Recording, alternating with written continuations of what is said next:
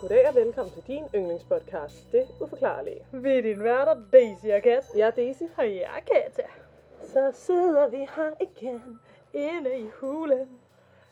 På en varm sommerdag. Så varmt er det heller ikke. Nej, det er faktisk ikke. Det var med de andre dage. For en gang skyld optager vi før kl. 12. Ja, altså før klokken 12 om aftenen. Ja, og, og om dagen. Nå, ja, om det. Ja, det er ikke engang Ja, klokken er foran 12. Det er faktisk lidt øh, crazy. Det er crazy, easy daisy. Vi er tidligt på den. Ja, det er vi da. man siger. Det er vi da, det er vi da. Nå, men øhm, oplevet noget fedt, set nogle øh, gode serier, datet nogle lækre fyre siden sidst. Hmm. Ja, yeah. det skulle jeg godt finde. Jeg har virkelig tænkt på, at jeg skal i gang med fire sæson af Stranger Things. Kom i gang, mand. Og jeg er ikke kommet, og jeg er faktisk virkelig stor fan af showet, og det er lidt pinligt, at jeg ikke har set den nye sæson endnu. Ja, det Now it's out there. Jeg så Øhm. det lang tid før du overhovedet vidste, den var der, skal jeg sige. Og jeg er faktisk, altså sådan, jeg synes det, altså jeg er skuffet over mig selv, at jeg ikke har set den endnu. Jeg er også Det er skuffet over dig. Ja. Øhm, Ja, ja, hvis folk er i tvivl, så har jeg set det. ja. Ja. Så no spoilers. Nu vil jeg sige alt, hvad der sker. Okay, jeg lytter. Nej. Mm. Jamen, øh, fedt, mand. Har vi oplevet noget andet? Øh, Mm. jeg troede lige, at det var blevet sommer. Fordi ja. at det har været over 20 grader i de her sidste par dage. mm. Og man har kunne have shorts på, og det Mm. har været virkelig lækkert. Men så blev man snydt. Men så blev det lidt, lidt koldt i dag. Jo, Og det var ligesom det. Nå ja, og det, det var altså regnede. også koldt i går. Ja, det regnede og tordnede i går, faktisk. Ja. Jeg var ude og gå i Bernstorparken sammen med min far, ikke? Ja. Og sådan, så vi selvfølgelig lige gået ud på en mark, hvor der ingen træer er i syne. Og så begynder det at tordne. Og, Og i panik, så tager jeg bare hed ved at løbe afsted. Og så sidder jeg sådan og gemmer mig ind under træerne, og min far kommer bare gående, som om sådan, løb du lige sådan i panik. jeg elsker, at din far bare sådan kommer stille og roligt gående sådan. Ja, han It's gav nothing. igen. Han didn't give a shit, altså. øh, og så var vi lige nede inde i bilen, og så sagde det bare BOOM! Og så altså, var det bare nærmest monsunregn. Wow. Og det var godt timet. Uh, damn. Altså, jeg har jo virkelig oplevet noget fedt, hva'? Ja. øhm, ja. Jeg har faktisk ikke rigtig været ude at feste den her weekend. Det er Nej. ret weird Det for er jeg mig. heller ikke. Jeg har, jeg har, øh, ja, jeg har heller ikke fest. Jeg fik, øh, jeg har fået, altså jeg har fået vin og sådan noget, men jeg har ikke Ja. været ude i social sammenhæng, hvad jeg sige. Jeg var lige ude at spise med en veninde i fredags, hvor vi fik et glas Ja. vin til maden og sådan. Men der var jeg fornuftig, jeg tog hjem og sådan noget der. Øh, og så lørdag, der skulle jeg passe børn, min søsters børn. Øh, så der var jeg jo heller ikke ude. Min søster spørger. ja. Ja, så jeg har simpelthen ikke været ude at danse, øh, danse swingeskoene, var jeg ved at sige, ude at swinge danseskoene den her weekend. swing Og jeg er i tvivl om, jeg er det samme menneske mere. Ja, jeg forstår. Mm, Ja. Jeg føler også, at begge ting kan noget. Begge ting kan noget. Øhm, ja, og man kan sige, fordi jeg er så stresset hele tiden og laver noget hele tiden, så kan man være, at jeg havde tænkt, at man havde brug for søvn. Mm. Øhm, men fordi jeg ligesom lavede noget begge aftener, alligevel var det jo ikke sådan, at jeg alligevel bare havde en dag dag med sofaen. Altså, forstår du, hvad jeg mener? Ja. Så jeg føler ikke på den måde, jeg har fået foræret noget, der gav mig sådan...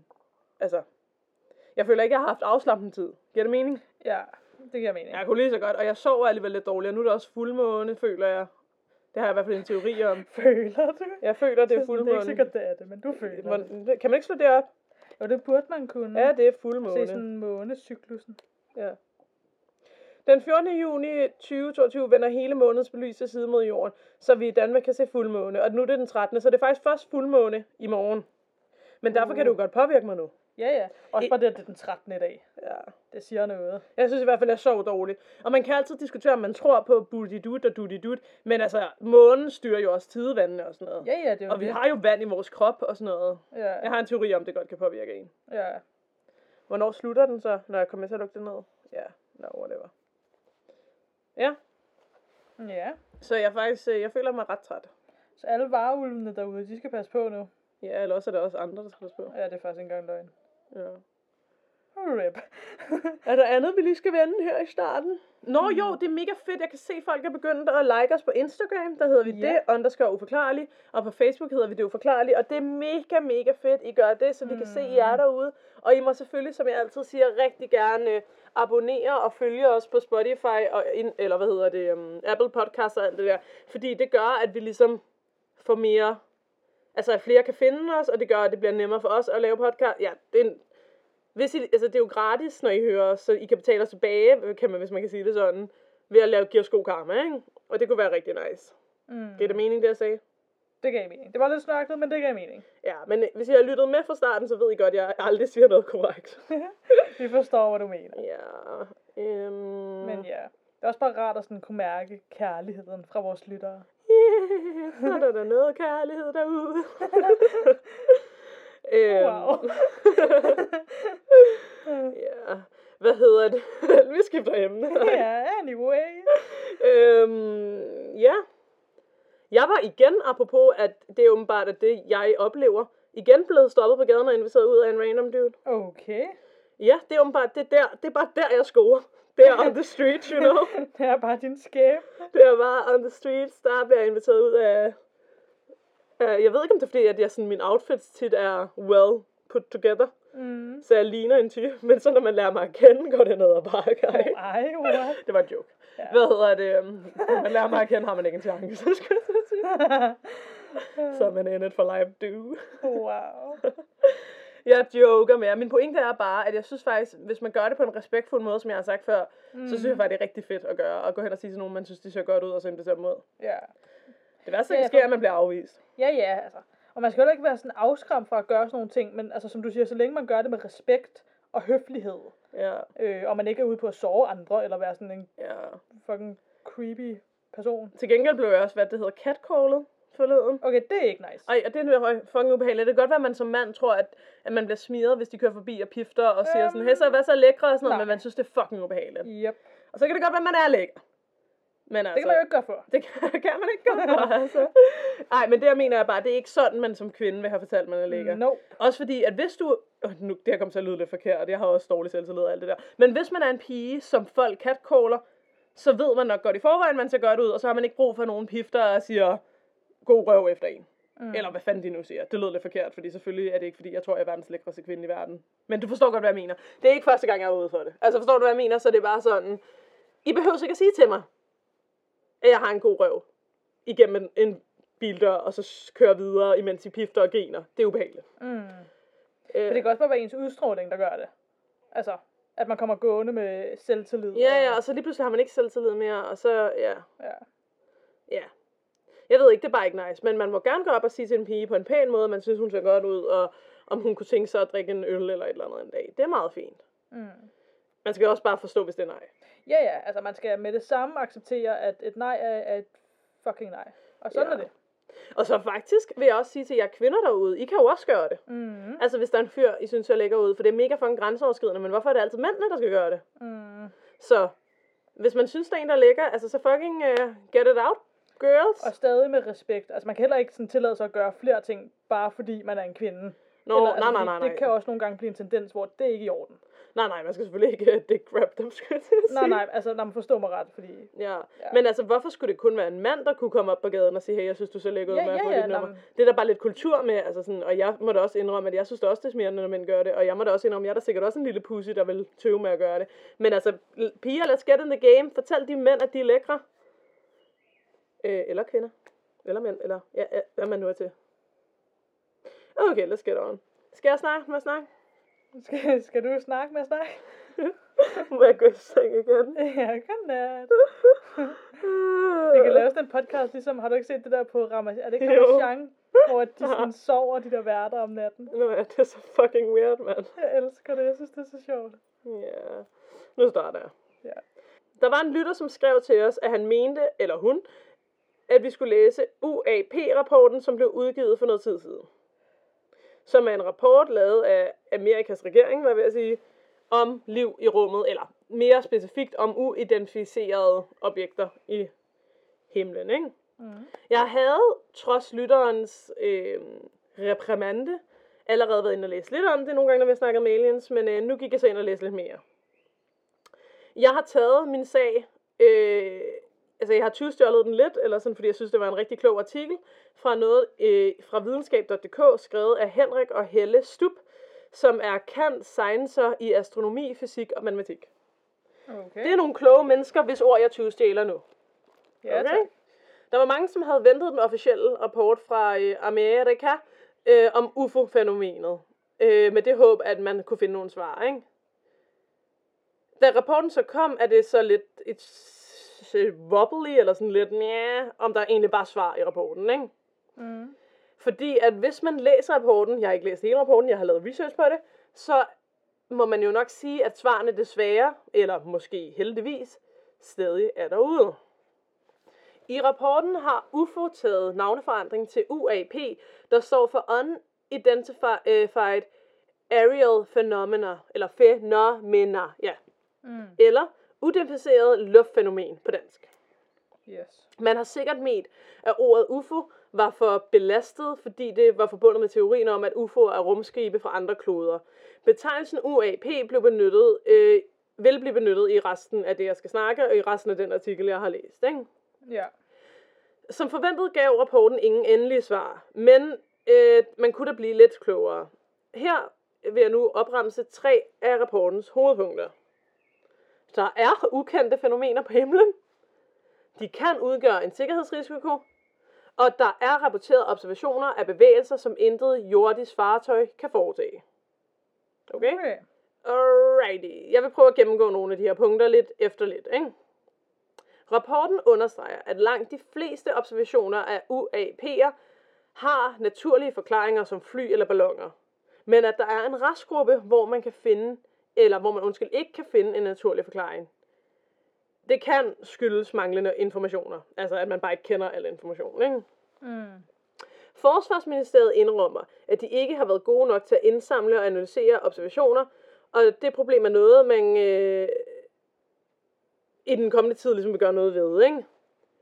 I de fleste af de undersøgte tilfælde må UAP'en øh, være en fysisk genstand, fordi den er blevet observeret både på radar og på infrarøde kameraer, samt at det simpelthen er blevet set direkte. Ikke? Så man mener, det er en fysisk objekt, også selvom vi ikke kan forklare, hvad det er. Ikke? Mm.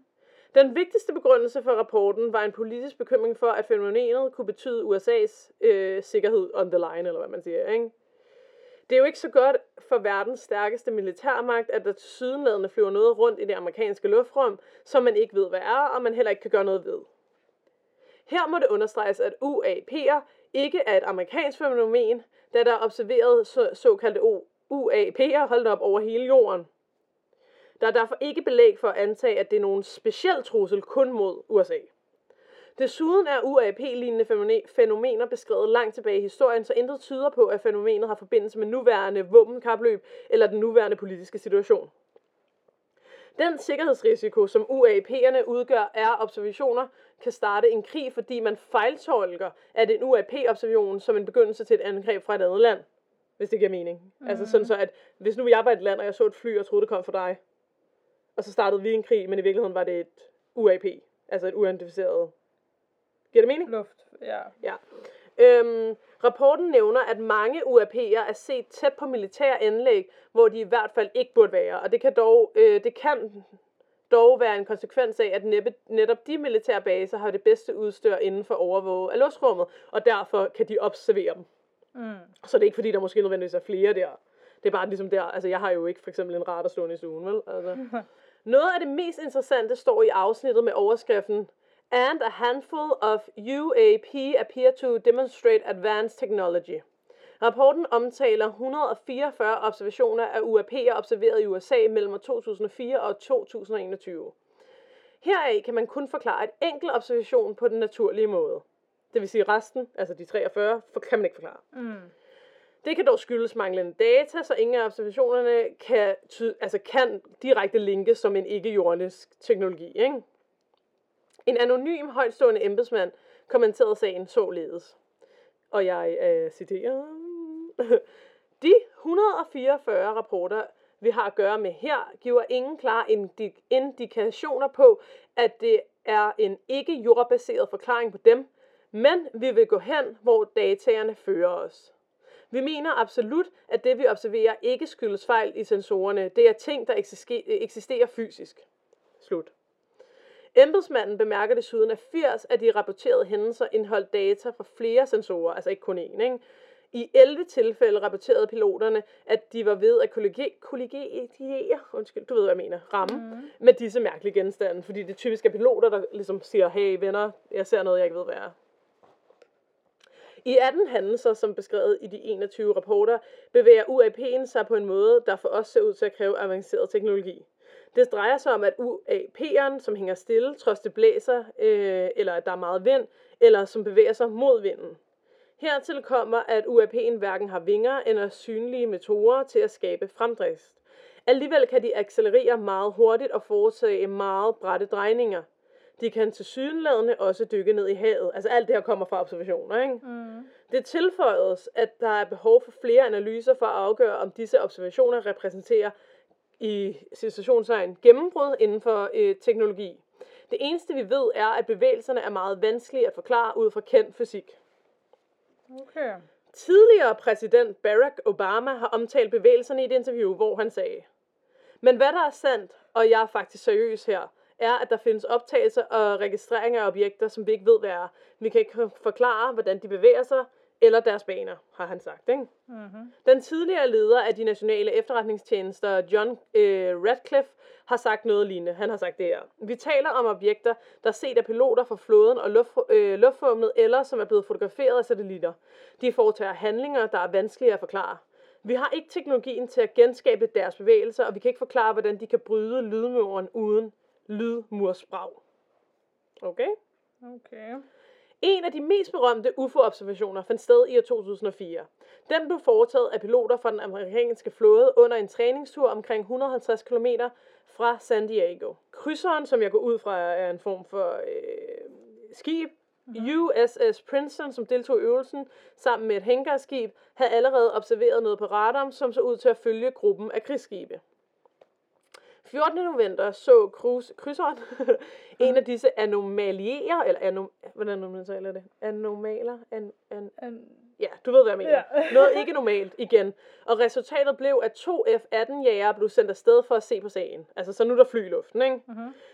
Piloterne ved navn, øh, eller piloterne var den unge Alex øh, Dietrich, som trods navnet er en kvinde, og hendes chef, Dave Freveur.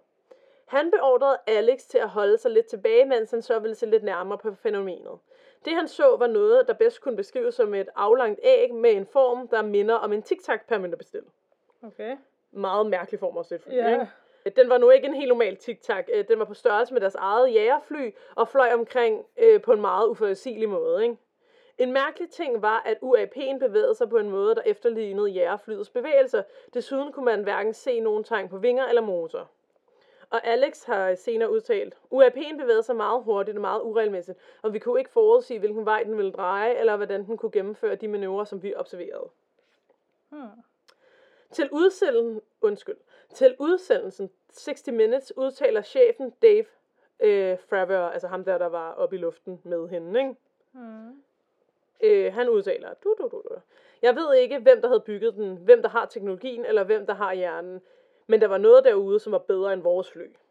Så det Dave søgte at komme nærmere øh, den her Demsedut, ikke? Øh, men da han gjorde det, så accelererede UAP'en lynhurtigt og forsvandt. Og den blev dog set nogle sekunder senere, 100 km borte, på en Pristons radar. Altså få sekunder efter. 100 km, er du med? Yep. Spørgsmålet er, om man kan være helt sikker på, at den i går så en tic-tac, piloterne så var det samme objekt, som man kunne se på radaren senere hen. Ikke? Mm. Hvilket er en illustration af, hvor svært det kan være at komme til bunds i de her øh, veldokumenterede øh, dokumenterede, øh, observationer. Ikke? Den meget berømte observation viser, at UAP'erne ser ud til at kunne bevæge sig på en måde, der ikke kan forklares med nogen teknologi, vi kan kende her fra jorden. Vi kan derfor med stor sikkerhed afvise, at UAP'erne er bygget øh, af en nation her på jorden. Desuden øh, er de blevet set ret langt tilbage i historien. Ikke? Mhm. er ligesom det, rapporten siger. Ikke? Den førende teori for fænomenet er, at det er rumskibe fra andre kloder. Denne teori kan dog hverken bevises eller afvises. I rapporten nævnes sætning ikke jordisk teknologi overhovedet ikke, men taler i stedet om andre forklaringer. Hvis vi nu antager, at UAP'en er rumskibe, er det mest sandsynligt, at de kommer fra et andet solsystem. Det betyder en rejse på mange lysår for at komme til jorden. At rejse mellem stjernerne er teoretisk muligt, selvom det vil kræve en øh, teknik langt derudover, hvad vi ligesom kan her på jorden. Ikke?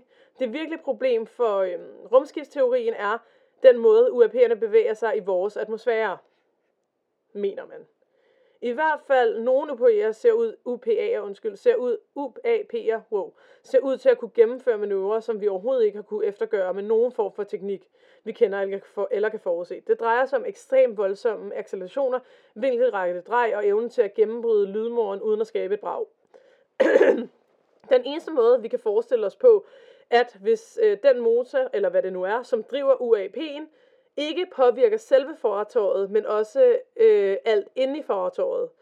Altså, i så tilfælde vil de ikke kunne mærke de her voldsomme accelerationer, der opstår, når UAP'en foretager nogle meget hurtige manøvrer. Altså her bliver ligesom forklaret, hvordan dem, der styrer skibet, ligesom kan overleve derinde. Ikke? Mm. Øh, man ved ikke, om sådan en motor overhovedet er mulig inden for rammerne af den fysik, vi kender i dag. Derfor vil man ikke kunne vurdere, om så voldsomme manøvrer er et argumentant for eller imod rumskibsteorien. Vi ved simpelthen for lidt om, øh, om, man, øh, om det hele, ikke? og man nok afvende til der kommer et nyt gennembrud inden for fysikken på vores egen jord. Ikke? Øh, yep, yep, yep. Med, rapport, med rapporten er det kommet et skridt videre, at UAP'erne nu accepteres som et virkeligt fænomen, selv øh, om de fleste observationer har naturlige forklaringer. Så det er ligesom hovedpointen er, at nu er det blevet indrømmet, at der er noget i luftrummet, som ikke kan forklares. Ikke? Mm. Det er ret stort, da amerikanerne er meget stolte af deres militær og dets evne til at beskytte landet. Mm. Nu mhm. indrømmer øh, Amerika så, at der flyver noget rundt på himlen, som de ikke ved, hvad er, og som bare flyver, hvor de vil hen, om, øh, og som også kan flyve ind over deres militære indlæg. Ikke? Ja. Øh, hvad der ligesom er brug for, for at kunne opklare det her, er mere data. Ikke? Amerikanerne indrømmer selv, at der er behov for øh, en kultur, hvor piloter, piloter, piloter tør fortælle, hvad de ser, uden at være bange for, at det går ud over deres karriere. Ikke? Jo. Så er der så en, en, en, en klug, klug mand, der siger, et stort problem omkring UAP'erne har været den kulturelle stigma siger øh, kongresmedlem André Carson, som er demokrat og medlem af kongressens efterretningskomité. I, øh, han siger også, øh, det har stort set været henvist til science fiction, ikke? Altså som i, altså, hvis man så noget, turde man ikke sige det. Fordi så vil folk være sådan, you're crazy, du kan ikke være pilot mere, ikke? Ja. ja. Senator Marco Rubio ser rapporten som et stort skridt fremad, men har også følgende kommentarer. Forsvarsministeren, nej det er løgn, Forsvarsministeriet og efterretningsvæsenet har meget arbejde foran sig, før de kan afgøre, om disse fænomener udgør et nationalt sikkerhedsproblem. Hvis rapport, det er så, nu er det slut, citat, ikke? Hvis mm. rapporten kommer til at betyde, at man nu vil tage fænomenet mere alvorligt, så er det et stort skridt fremad, ikke? Desværre er det dog mere sandsynligt, at konspirationsteoretikere nu vil overtage debatten på nettet, hvilket vil vanskeliggøre en seriøs debat, ikke? Og sådan en debat er der brug for, hvis man virkelig skal komme til bunds til, hvad det er, der er ude i rummet, ikke? Så nu de er ligesom bange for, at nu når de siger det her, så vil konspirationsteoretikere være sådan, det er rumskibe, woo! Ja, ikke? Mm. Så vi er altså ikke kommet spørgsmålet, hvorvidt der flyver fremmede rumskibe rundt i vores atmosfære meget nærmere. Men alligevel er det svært ikke at tænke over, hvad det vil betyde, hvis rumskibsteorien er korrekt. Det er følgende, det følgende er derfor spekulation, om vi dog søger at basere, hvad står der? Når det følgende er derfor en spekulation, som vi, øh, som vi dog søger at basere på den viden, vi allerede har om universet. Ikke? Hvad angår, øh, angår sikkerhedspolitik, så har det ikke den store betydning, hvis vi nu skulle vise sig, at UAP'erne er rumskibe for andre kloder.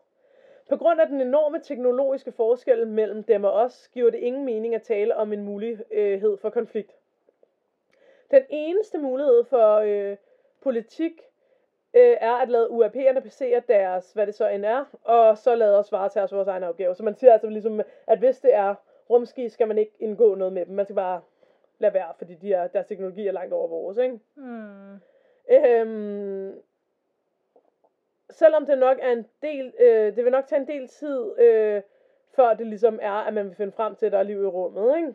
Vi har her på jorden eksisteret i kort tid, og vores civilisation må være den, en af de yngste, måske den yngste i Mælkevejen. Derfor vil det mest sandsynligt være, at hvis nu vi møder en anden civilisation, så vil den ikke bare være tusinder, men millioner af år forud for vores. Hvis der er en stor forskel i udvikling, er det måske ikke så mærkeligt, at vi nok ikke har så meget at sige til hinanden, og deres teknologi virker totalt uforståelig for os. Ikke? Mm. Måske vil sådan et møde få os til at føle os meget mere øh, ensomme, mener nogen. Det er jo et gammelt ordsprog, at lige børn leger bedst, så måske er det bedst ikke at have tæt kontakt med, hvad det er, er der er derude. Ikke? Men så er der jo selvfølgelig også tankerne om, at hvad vil sådan et møde med dem i rummet kunne give os videnskabeligt og kulturelt. Ikke? Uanset hvad sandheden om UAP'erne så er, så er en kontakt med en anden og meget ældre civilisation en mulighed. vi ikke bare kan ignorere, menes det, ikke? At klare et sådan møde bliver en stor udfordring, men det kan åbne muligheden for en fremtid i Mælkevejen, der med en alder på over 12 milliarder år er mere end dobbelt så gammel som jorden og solsystemet. Ja, er ligesom det der konklusionen. Så kan, jeg ved ikke helt, om jeg er enig i, at det er en god idé at snakke med dem, men det er der nogen her, der i hvert fald har kommenteret. Ikke? Jeg vil gerne sige tak til vores lytter, videnskab.dk, The Star og YouTube-kanalen The Star og Wikipedia. Damn. Jeg ved godt, det var rigtig meget information sagt lidt tørt, men gav det mening, det jeg sagde? Det gav super god mening. Okay. Det er super interessant, synes jeg, Ja. i det hele taget. Ja. Øhm, Og tak til dem, der skrev artiklen. jo, tak. Men ja, fordi spørgsmålet om der findes intelligent liv i rummet, øhm, endnu et spørgsmål i, altså er det første overhovedet et spørgsmål, eller er det bare et spørgsmål om, hvem de er og hvor de er? Ja. Øhm, ja. Jeg kan, jeg kan meget godt lide den der sådan, altså tanken om, om det egentlig bare vil gøre os mere ensomme Ja. og fortvivlet, eller sådan, hvis vi skulle have sådan et møde. ja, ja, fordi så finder man ud af, at vi var ikke så kloge alligevel. ja. Nej, men jeg, jeg kan også godt lide det der med sådan, det der med, at de snakker om, der er nok ikke nogen mulighed for sikkerhedsrisiko for os, fordi hvis de kom, hvad, sku, altså, hvad skulle vi gøre ved det? Det Ja, ville ikke ja. blive en krig, vi ville bare blive udslettet. Ja. Det er også meget sjovt. Men at Amerika har været at sige, at det er rigtigt, der er ting på himlen, vi ikke kan forklare, det er sort. Mm. Ja. Men jeg kan faktisk godt huske det der med, at Obama har sagt sådan noget. Ja, jeg kan vide, om jeg lige kan finde den der video af den der TikTok. Ja. TikTok uh, UFO. Det er en ret kendt video nemlig. Um, jeg tror, du kan se den her. Man kan se den, øh, må jeg se, jeg kan lige se, om jeg kan skal læse op her. Altså, jeg søgte bare på TikTok, øh, TikTok øh, UFO, og så er det på en, en, en, hvad kalder man det, bruger på YouTube, der hedder PM, nej, PBS News Hour. Og så hedder den Watch Navy Pilot Describes Encounter with TikTok Shape Unidentified Flying Object. Mm. Så der tror jeg, der, det starter med en eller anden, der snakker, de snakker, hun forklarer om det, man kan se det hele, hvis man vil. Jeg går lige hen til videoen. Der er den. Det er en lidt dårlig video, dog. Men den er vel også blevet optaget fra hendes, øh, der hvor man skyder med, eller hvad? Ja, lige den der video, der er sådan, den er så bare lidt lille ud. Det ligner sgu lidt en TikTok, ja. Ja. Den ser lidt mærkelig ud. Den her video ser vi lige det fulde af, når det er. Ja. Altså, yderst interessant. Yderst interessant. Øhm, Altså, jeg tror jo lidt på rumvæsener. ja. Selvom jeg også godt forstår, hvis man ikke tror på det. Men også det der med, at sådan, der måske er mange ja, piloter og sådan noget, der ikke rigtig tør at sige det alt for højt, hvis de ser sådan et eller andet. Ja. Fordi de er faktisk er bange for, hvad det kan gøre ved deres karriere og sådan noget. Det er også interessant. Mhm. Især ja. fordi, at, altså jeg forstår godt det der sådan, altså det der tabu, der er omkring at sådan sige, jeg tror på rumvæsener.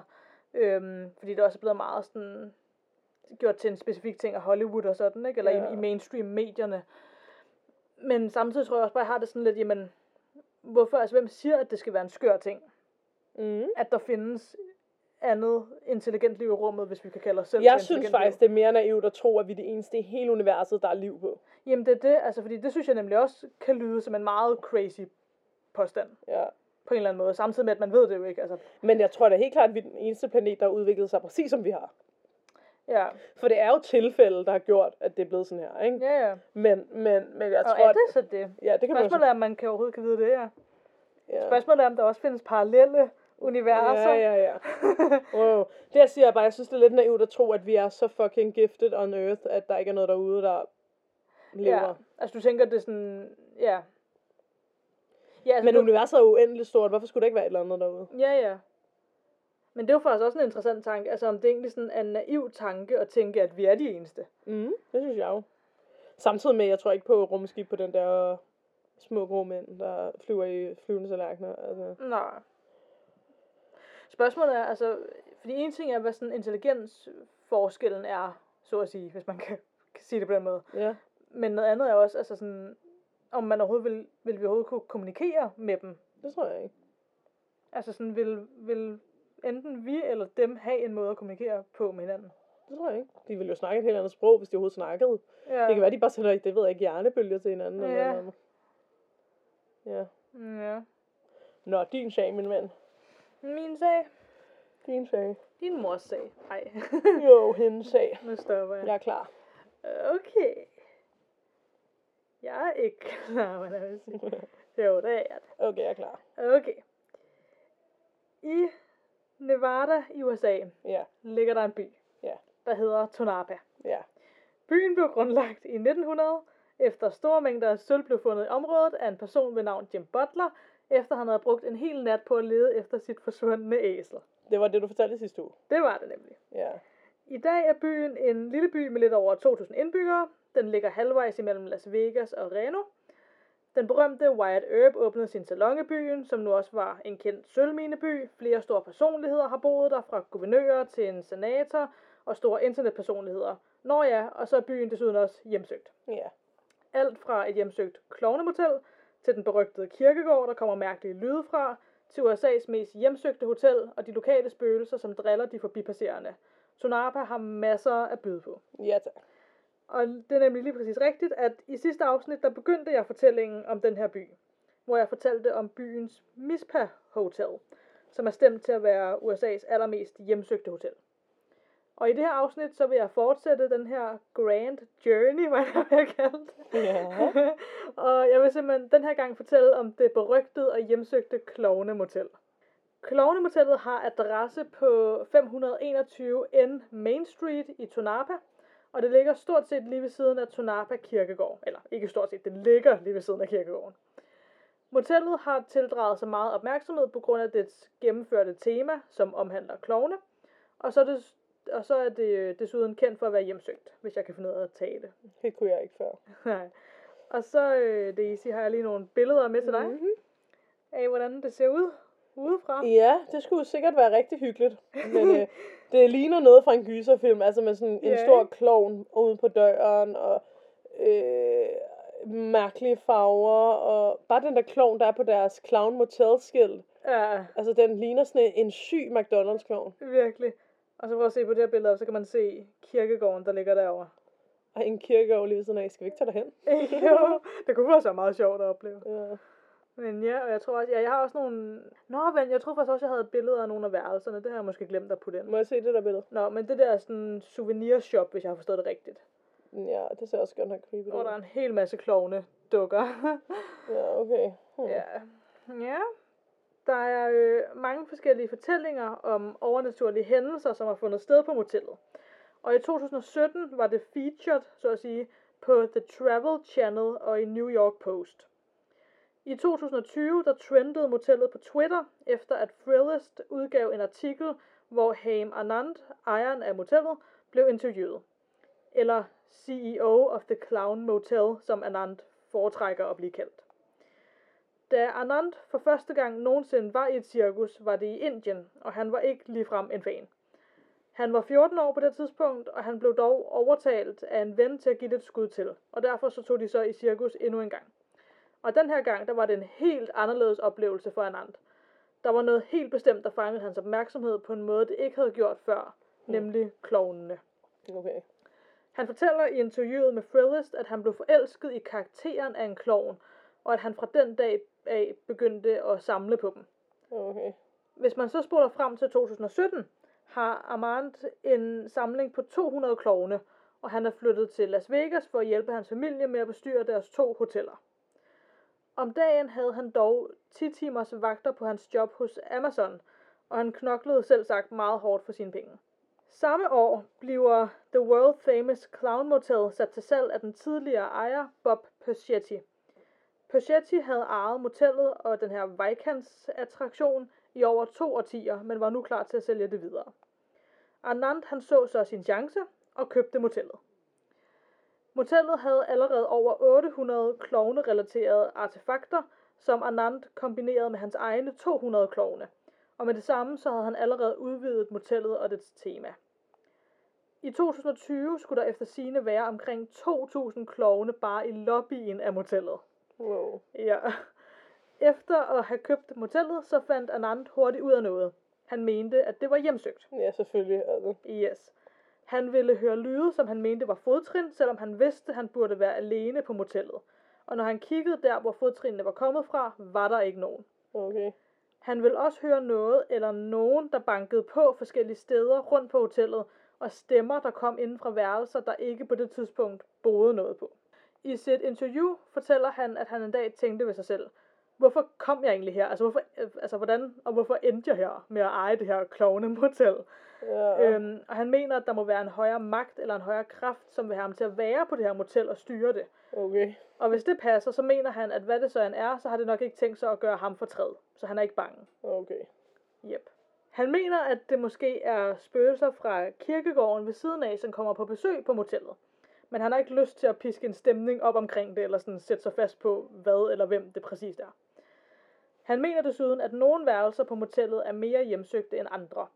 Især de temaværelser, som omhandler fredag den 13., så er der et Halloween-værelse, et Exorcist-værelse og et Stephen Kings 1-værelse. Nej, hvor hyggeligt. ja.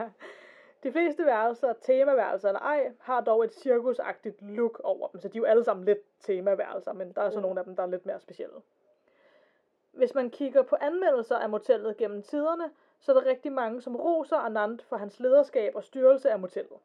Og der er mange, der beskriver klovnene på motellet som at være ekstremt creepy og uhyggelige, men at de dog samtidig ikke mener, at motellet er hjemsøgt. Så de mener bare, at det er temaet, der gør det uhyggeligt. Ja. Der er dog også andre anmeldelser, der siger det stik modsatte. Flere gæster beskriver, hvordan de har hørt nogen banke på deres dør midt om natten, og når de står op af sengen for at åbne og se, hvem det er, så var der bare ikke nogen. Nogen snakker også om at have hørt stemmer komme fra forskellige steder om natten, eller at de vågnede op næste morgen til krassemærker på væggene på deres værelser, som ikke var der, da de gik i seng. Den synes jeg er creepy. Ja. Andre har oplevet at høre uhyggelige grin uden foran Ej, deres dør nej, nej. om natten, jo. Eller at mærke en kold brise igennem rummet, eller følelsen af, at noget prikker til deres arm om natten.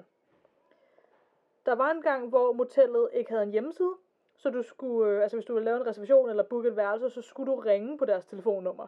Okay. Og jeg ved ikke, det er jo ikke fordi, at det sådan er specielt creepy, men der er alligevel, jeg føler lidt, der er noget over det, der er sådan lidt, Det er lidt old school, ikke? ja, ikke? Det er sådan lidt, åh jeg bliver myrdet, hvis jeg tager herhen, agtigt, Ja, ja.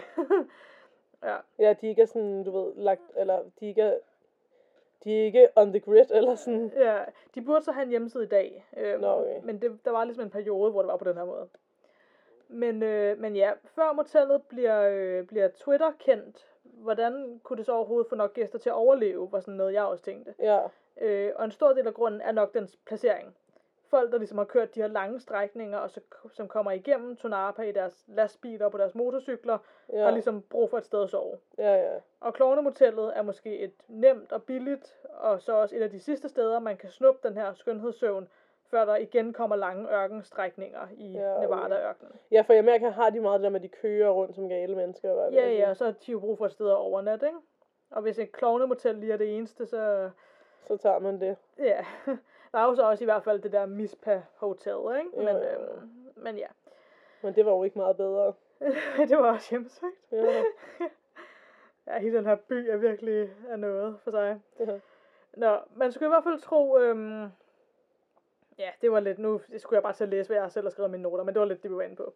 Jeg har bare skrevet, at ja, man skulle i hvert fald tro, at et motel ude i ørkenen med klovne til, vil afskrække flere Ja. kunder, end det vil tiltrække. ja. Men ja, igen, altså en god nats søvn har nok været det, der ligesom, Især hvis du har kørt hele dagen. Og, ja. præcis, så er man måske lidt ligeglad, om det er et motel ude i ørkenen med klovne tema, og man bliver myrdet der. Man er sådan, Ja. jeg skal bare sove. Jeg skal sove nu. ja, det skal man lige nu. Generelt er der rigtig meget med de der moteller ude, altså ude i, Ja. i Amerika. Der er så mange sådan nogle horror stories med, så har der været folk, der har, har lagt sådan nogle øh, kighuller ind, hvor så dem, der ejer det, kan gå rundt og kigge på folk, der sover. Og Yep. så er der folk, der bliver myrdet, og så er der det ene og det andet. Ja. Jeg tror, der er rigtig mange af dem, der er rigtig unpleasant. Ja. Og så er der nok også nogle af dem, der er fine nok, ikke? Ja, ja, garanteret. Men jeg tror, man skal helt sikkert ja, tænke på sin sikkerhed og passe på, ikke? Ja. Eller lige tænke sig en ekstra gang om. Ja. Nå, før man træder ind i lobbyen på det her klovnemotel, så bliver man mødt af en, øh, eller fra man træder ind i lobbyen, undskyld, så bliver man mødt af en klovnefigur i menneskestørrelse, der sidder i en stol og kigger på dig. Og overalt på bogreoler og hylder og kroge er der ligesom små klovnefigurer eller plakater eller det ene og det andet, der har noget med klovne at gøre. Men hvordan startede det hele egentlig? Jo, nu skal jeg fortælle jer det. Som øh, vi ved, så opdagede Jim Butler i år 1900 en masse sølv i området, og Tonapa blev til som en fantastisk mineby. I 1901 så blev Tonapas øh, kirkegård bygget, den som så ligger som nabo lige ved siden af Klovne Motel. Ja. Kirkegården blev dog lukket igen 10 år senere, men iblandt dem, som ligger begravet der, er der ofre af Tonapa-pesten, som fandt sted i 1905. George Devil Davis, som jeg nævnte i sidste afsnit, ligger også begravet der. Han blev øh, myrdet af sin kone, som skød ham i ryggen, og hun kom i fængsel i knap et år for det. Hendes fængselsstraf blev forkortet, fordi at det kom frem, at George havde misbrugt hende, før hun skød ham. Ja. Så det er ikke så godt. Nej. Bina Veralt fra New York ligger også begravet på kirkegården. Hende nævnte jeg også lige kort i sidste afsnit. Hende kommer jeg nok også til at snakke om i et andet afsnit. Og det var hende, der flygtede fra New York under mystiske omstændigheder, og så endte i Tonapa og døde kort efter. Hmm. Det her er alle sammen spøgelser, som der altså menes at hjemsøge klovnemotellet den dag i dag. I 1905 kom så den her Tonapa-pest, og hvad der startede som brystsmærker, brystsmerter hos Yep. folk i byen, udviklede sig til død og ødelæggelse. Og det var en sygdom, som ligesom lavede herværk igennem byen. Ja. Over årene så var der mange øh, ildebrænde i Tonapa-området og i sølvminerne. Den første store brand i Belmont-minen opstod i 1911, hvor 17 mænd mistede livet. En af dem var William Murphy, en 28-årig fyr, som gik ned i minen to gange for at hjælpe andre op og ud i sikkerhed, og da han ville gå ned igen en tredje gang for at hjælpe de sidste ud af minen, kom han ikke selv tilbage igen. Han ligger begravet på kirkegården ved siden af motellet, og på hans gravsten står der skrevet, at han døde, mens han reddede andre. Nå. I 1942 så opstod der så også en brand i Belmont-minen. Her der mistede Clarence David livet og øh, blev også begravet på kirkegården. Og det der var med Clarence er, at han havde en klovnesamling. Ja. Clarences børn, Leona og Leroy, åbnede i 1985 et motel ved siden af kirkegården, hvor deres elskede far lå begravet. Ja. På motellet udstillede de alle hans 150 klovnefigurer, og det blev med det samme et kæmpe hit blandt gæster. Og det var så selvfølgelig det her motel, der blev til klovnemotellet. Ja, ja. I 1995, der købte Bob og Deborah Perchetti, det er lige med at udtale de der ord hele tiden, Ja. Perchetti, øhm, de købte så motellet, og folk var vilde med deres gæstfrihed og efterlod dem fantastiske anmeldelser af motellet. I 2015 kom Ghost Adventures på besøg, hvis man kender dem. Det er ligesom sådan et hold af spøgelsesjæger, som har deres eget tv-show, Nå. kaldet Ghost Adventures. Nå, sjovt. Ja, og i front så er der en, øh, en person ved navn Zach Bacons. De øh, filmede en episode af deres show på motellet, og Nå. her fangede de blandt andet en sort silhuet af en spøgelsesfigur, en stemme, der siger, Hello, it turned on. Okay. Hvad det så end? Skal jeg referere til? Ja. Og efter sigende, så skulle de også have fanget på kamera, at den store klovnefigur flytter sin hånd helt af sig selv. Okay.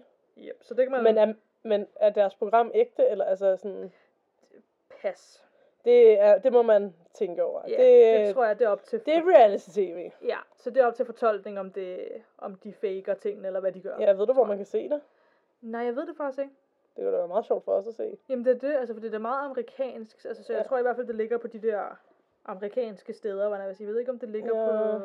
Jeg kan se, det ligger på Discovery, Ah, og det hjælper os ikke. nej, det hjælper også nemlig ikke. Nå, det var Ja. da også en sjov ting at se. Ja. Ja, for jeg tror, jeg kunne nemlig også godt tænke mig at se det, men det kan Ja. være, man kan finde noget klip fra det på YouTube og sådan Ja, noget. ja. Men ja. Nå, det var så efter den her episode af Ghost Adventures, at den blev sendt, at folk for alvor begyndte at booke værelser på motellet langt vejs fra, for at opleve de her overnaturlige hændelser på egen krop, så at sige. Folk begyndte også at sende og donere forskellige klovne-relaterede ting til motellet. Ej. Yep. I, øh, jeg skulle have skrevet 2016, jeg kommer til at skrive 1016. Nå, I 2016 instruerede Joseph Kelly en kortfilm på motellet, som handler om en gruppe unge mennesker, der er strandet midt i ørkenen, og derfor søger tilflugt på et nærliggende klovnemotel. De ender så ved et uheld med at befri en ond klovneånd, og så går det så galt for dem. Ja, ja, selvfølgelig. I 2017, efter cirka 20 år i øh, Bob Perchettis hænder, beslutter han sig for, at det er tid til at gå på pension, og derfor sætter han motellet til salg. Han vil nemlig gerne tilbringe tid sammen med sin kone, sine fem døtre, tre sønner og sine 14 børnebørn. Wow. Det synes jeg lige var en sjov detalje. Hold op. Men ja, Motellet bliver så sat til salg for 900.000 dollars, og i kontrakten står der, at den nye ejer skal holde motellet kørende, og desuden tage sig af den store klovnesamling. og det var jo så her, at Anand han så købte Ja, motellet, ja. og tilføjede sine, sin egen klovnesamling. Ja, ja. I øh, 2019 så kommer Joseph Kelly tilbage igen for at optage sin anden film på motellet. Okay. Den handler om en gruppe spøgelsesjægere, som støder ind i en gruppe festpersoner fra Las Vegas, som så overnatter på klovnemotellet. Spøgelserne af flere klovne ender dog med at gøre deres ophold på motellet til et levende mareridt. Ja. I 2019 så køber Mehar-familien motellet. De er en hotelejende familie, som har masser af erfaring på området. Og hvad der så præcis er sket med Anand, og hvorfor han så ikke har det mere og sådan noget, det er jeg faktisk lidt i tvivl om. Okay. Det har jeg haft svært ved at finde noget om. Men ja, så i 2019 overtager den her nye familie det i hvert fald. De er interesseret i at bibeholde klovnetemaet og yderligere at udvide klovnesamlingen på motellet. Efter deres overtagelse af motellet har de brugt meget tid og penge på at renovere værelserne og forbedre faciliteterne. De siger, at de har tænkt sig at bevare klovnemotellets eftermæle, så det ikoniske motel kan blive nyt af mange kommende generationer. Okay. Yes. Så vil jeg også lige fortælle nogle, øh, altså lidt om de forskellige værelser. Der har jeg faktisk nogle billeder. Ja, Jeg tror, det her, det må være øh, Stephen Kings et Ja. værelse. det er klart. Ja. Og der var sådan stort Men det maleri sjove er af- også selve indretningen, altså dyner og sådan noget, det er jo rimelig standard motel. Ja. ja. Og så er der bare sådan en maleri, der er fucking creepy på væggen. Jamen, det er det. Ja. Der er også, jeg har nogle af de andre billeder. Jamen, det er det, fordi de er jo ret, altså, de er ret, øh... okay, det var så nogle dårlige billeder. Men de er ret standard. Der er ligesom bare de der virkelig Motiver. creepy Ja. malerier, ikke? ja, for de kunne godt bare putte dukker overalt derinde, eller et eller andet. Ja, ja, men det har de ikke. Men det gør det næsten mere creepy, synes Ja. jeg. At det er så standard, men så er der lige sådan... Ja, klammer picture ved et eller andet, ja. Ja. Nå, men ja. Jeg har så... Øh, der er så nogle... Øh, hvad hedder det? Historier fra forskellige ting, der er sket på nogle af de her værelser. Der er så værelse 108, Mm-hmm. hvor at der var den her ældre mand, som øhm, ligesom, hvad hedder det, havde booket sig ind Ja, på det her værelse og overnattede. Han var øh, syg, øh, og ville højst sandsynligt komme til at dø inden for ikke særlig længe. ja. Og han booker sig så ind på det her øh, motel, på det her øh, et værelse, og han øh, begynder så med at få det virkelig dårligt. Altså Ja. han, han får det sådan absurd dårligt. Ja, Så dårligt, at jeg tror ikke, han føler, at han ligesom kan bevæge sig, eller sådan gå væk fra sin seng, men han ringer ligesom til lobbyen, fordi han føler, at han har brug for hjælp. ja. Og han ringer, og han ringer, og han ringer, og de svarer bare ikke. Der er ikke nogen, der ligesom tager den. Ja, Han ringer så til sidst til hans søster, som så får ringet 911. Øhm, men det var for sent. Han ender med så at dø på vej til hospitalet. okay. Når øh, lobbyen her på hotellet så bliver udspurgt, altså hvad der er sket osv. Så, videre, så, videre, så siger de så, at øh, fordi at, jeg tror, om det så er søsteren eller ham, der når at sige det der med, at han virkelig prøvede at ringe til lobbyen, eller til, Ja. hvad hedder det, front desk. Ja, øhm, ja, det er en lobby, ikke? lobby, jeg kan ikke Ja. huske, ja, ja, hvad det sådan hedder på dansk. Øhm, Nå, og så bliver de jo selvfølgelig udspurgt med, jamen hvis han blev med at ringe til jer, hvorfor gjorde I så ikke noget? Ja, Og de siger så, at han aldrig ringer, altså telefonen har bare ikke ringet, ja, og de har overvågning, hvor de Ja. ligesom kan se det på, altså med lyd også, Ja. og den kigger de så igennem, øh, og viser til politiet, og rigtig nok, at telefonen har bare ikke ringet. okay. Øhm, og så ved jeg ikke, om det så var søsteren, der ligesom har tænkt om sådan, wow, var det som om, der nærmest var noget, der sådan stoppede ham fra at ville, Og, re- ja, ja, og ville have, at han skulle få fat på dem, ikke? Eller sådan. Ja, ja, men det kan også være en teknisk fejl. Det kan men- også være en teknisk fejl. Men, øhm, Ja, men ja, det er i hvert fald bare lidt, lidt creepy. ja, helt sikkert. Ja. Så er der et andet værelse, værelse 111, hvor at der øh, også var en syg mand, Ja. der bookede sig ind. Jeg ved ikke, hvad der er med det her med mennesker, der er syge, der Nej, de skulle måske lade være med at derhen. skal bo her, men ja. Øhm, nå, men øh, han havde i hvert fald fået at vide af lægerne, at han nok ikke ville øh, overleve i sådan særlig lang tid mere. Nej, Og han havde ikke lyst til ligesom at være en for stor vægt på hans families skuldre, nej. Øhm, så ja, det var i hvert fald grunden til, at han gerne ville lidt væk. Hvorfor han så lige skulle hen til klovnemotellet, det ved jeg ikke. Nej. Men ja, hver aften, hvor han ligesom lagde sig til at sove på det her Ja. værelse, så forventede han lidt, at han ikke ville vågne igen. Altså han forventede, at han ville dø Okay. af hans sygdom. Ja. Øhm, men igen, så blev han bare, altså han blev ved med at vågne op dagen efter, og var sådan, nå, men jeg er stadig i live. Okay. Ja, Øh, og han snakkede også med, med de ansatte på motellet om det og sådan noget. ja. ikke? Det, der så begyndte med at ske, det var, at han lige pludselig, især sådan om aftenen, om natten, øh, og nogle gange også tidligere om morgenen, så ser han den her sådan store skygge, altså sådan en skyggefigur eller person, der står inde på hans værelse, og bare sådan står og kigger på ham, mens han ligger i sin seng. klart. Ja. Og øh, han, jeg tror, han føler, fordi han måske også er døende og sådan noget, han føler ligesom, at det er en eller anden form for sådan spirituel ånd eller et eller andet, så han siger ligesom til den her, at sådan, vil du ikke øhm, bare lade mig dø? Altså, fordi Ja. han har det ikke fedt. Godt. Ja, han har det ikke godt. Ja. Øhm, men han føler ligesom, at sådan, han får lidt et, altså, han føler, at han bliver afvist i hans forespørgsel om, om sådan, kan jeg ikke bare dø? Ja. Øhm, og fordi at han sådan til sidst bliver så frustreret over, at han egentlig bare kan, altså han er bare klar til at dø, Ja. men han kan bare ikke dø, og den her skygge bliver ved med sådan at være der, og alt sådan noget, Ja. så ender han så med at begå selvmord Nå. Øh, ude på øh, parkeringspladsen af Klovnemotellet, Hold da op. hvor han skyder sig selv. Det er godt nok forfærdeligt. Yep.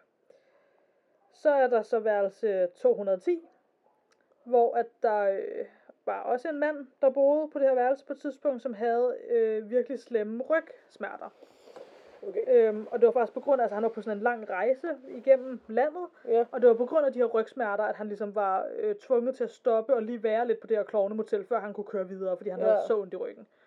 Øhm, og det var egentlig sådan lidt noget, altså det var en lidelse, var det, hvad jeg kaldte det, han havde. Altså han havde ligesom kroniske rygsmerter, så det var ikke Ja. nyt for ham, men det var bare blevet virkelig slemt lige her. Ja. Øhm, og så øh, var han så på det her klovnemotel, og når han så vågnede op om morgenen, så øh, følte han sig ligesom helt anderledes. Altså hans rygsmerter var lige pludselig bedre, end de havde været i årvis. Okay. Altså som om, at de sådan på magisk vis over natten bare var blevet markant bedre. Okay. Og han kunne nærmest ikke sådan mærke nogen smerter.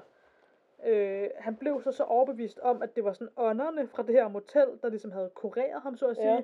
At han blev ved med at vende tilbage til hotellet sådan i de næste seks år. Nå. For bare at være på det der værelse og være på motellet. Og okay. han endte så også med at dø inde på det her hotel. Okay. Altså inde på værelset.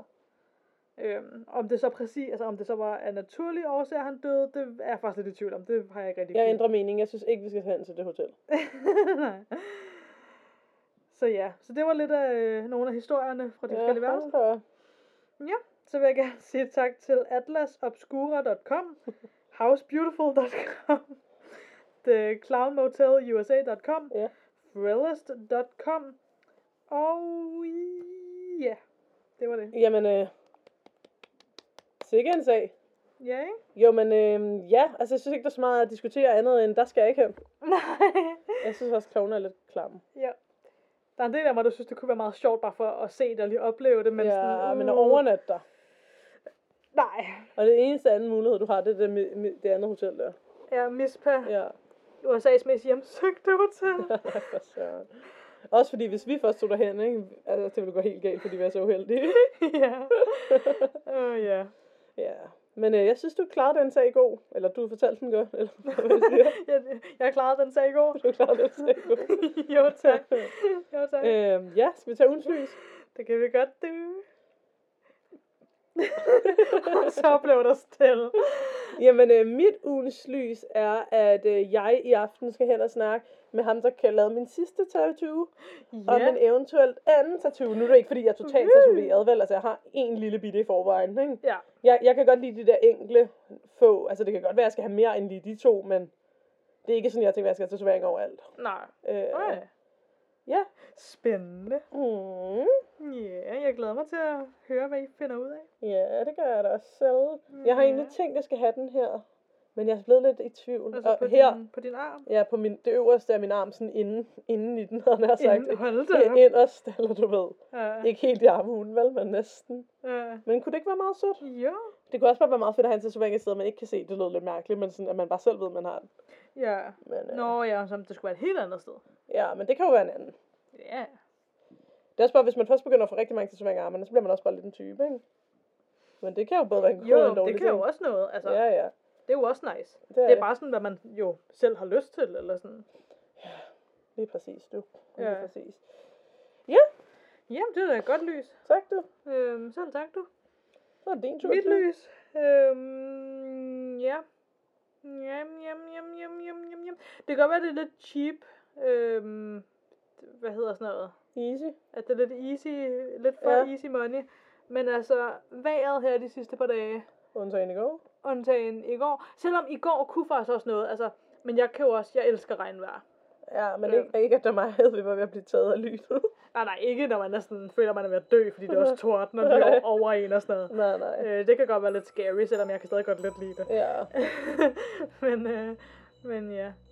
Jamen, det har virkelig sådan, det har virkelig været sommeragtigt de sidste par dage, føler jeg. Det har det da, mit barn, det har det da. Og nu er det slut. Nu er det slut. det var ligesom det. Mm, Godt lys, min ven.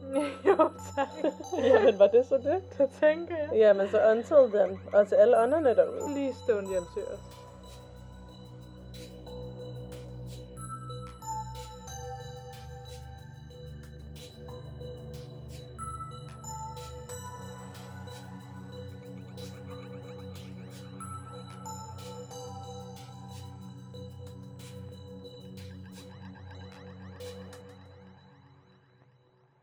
Hey, vi skal lige have frokost nu. Yep.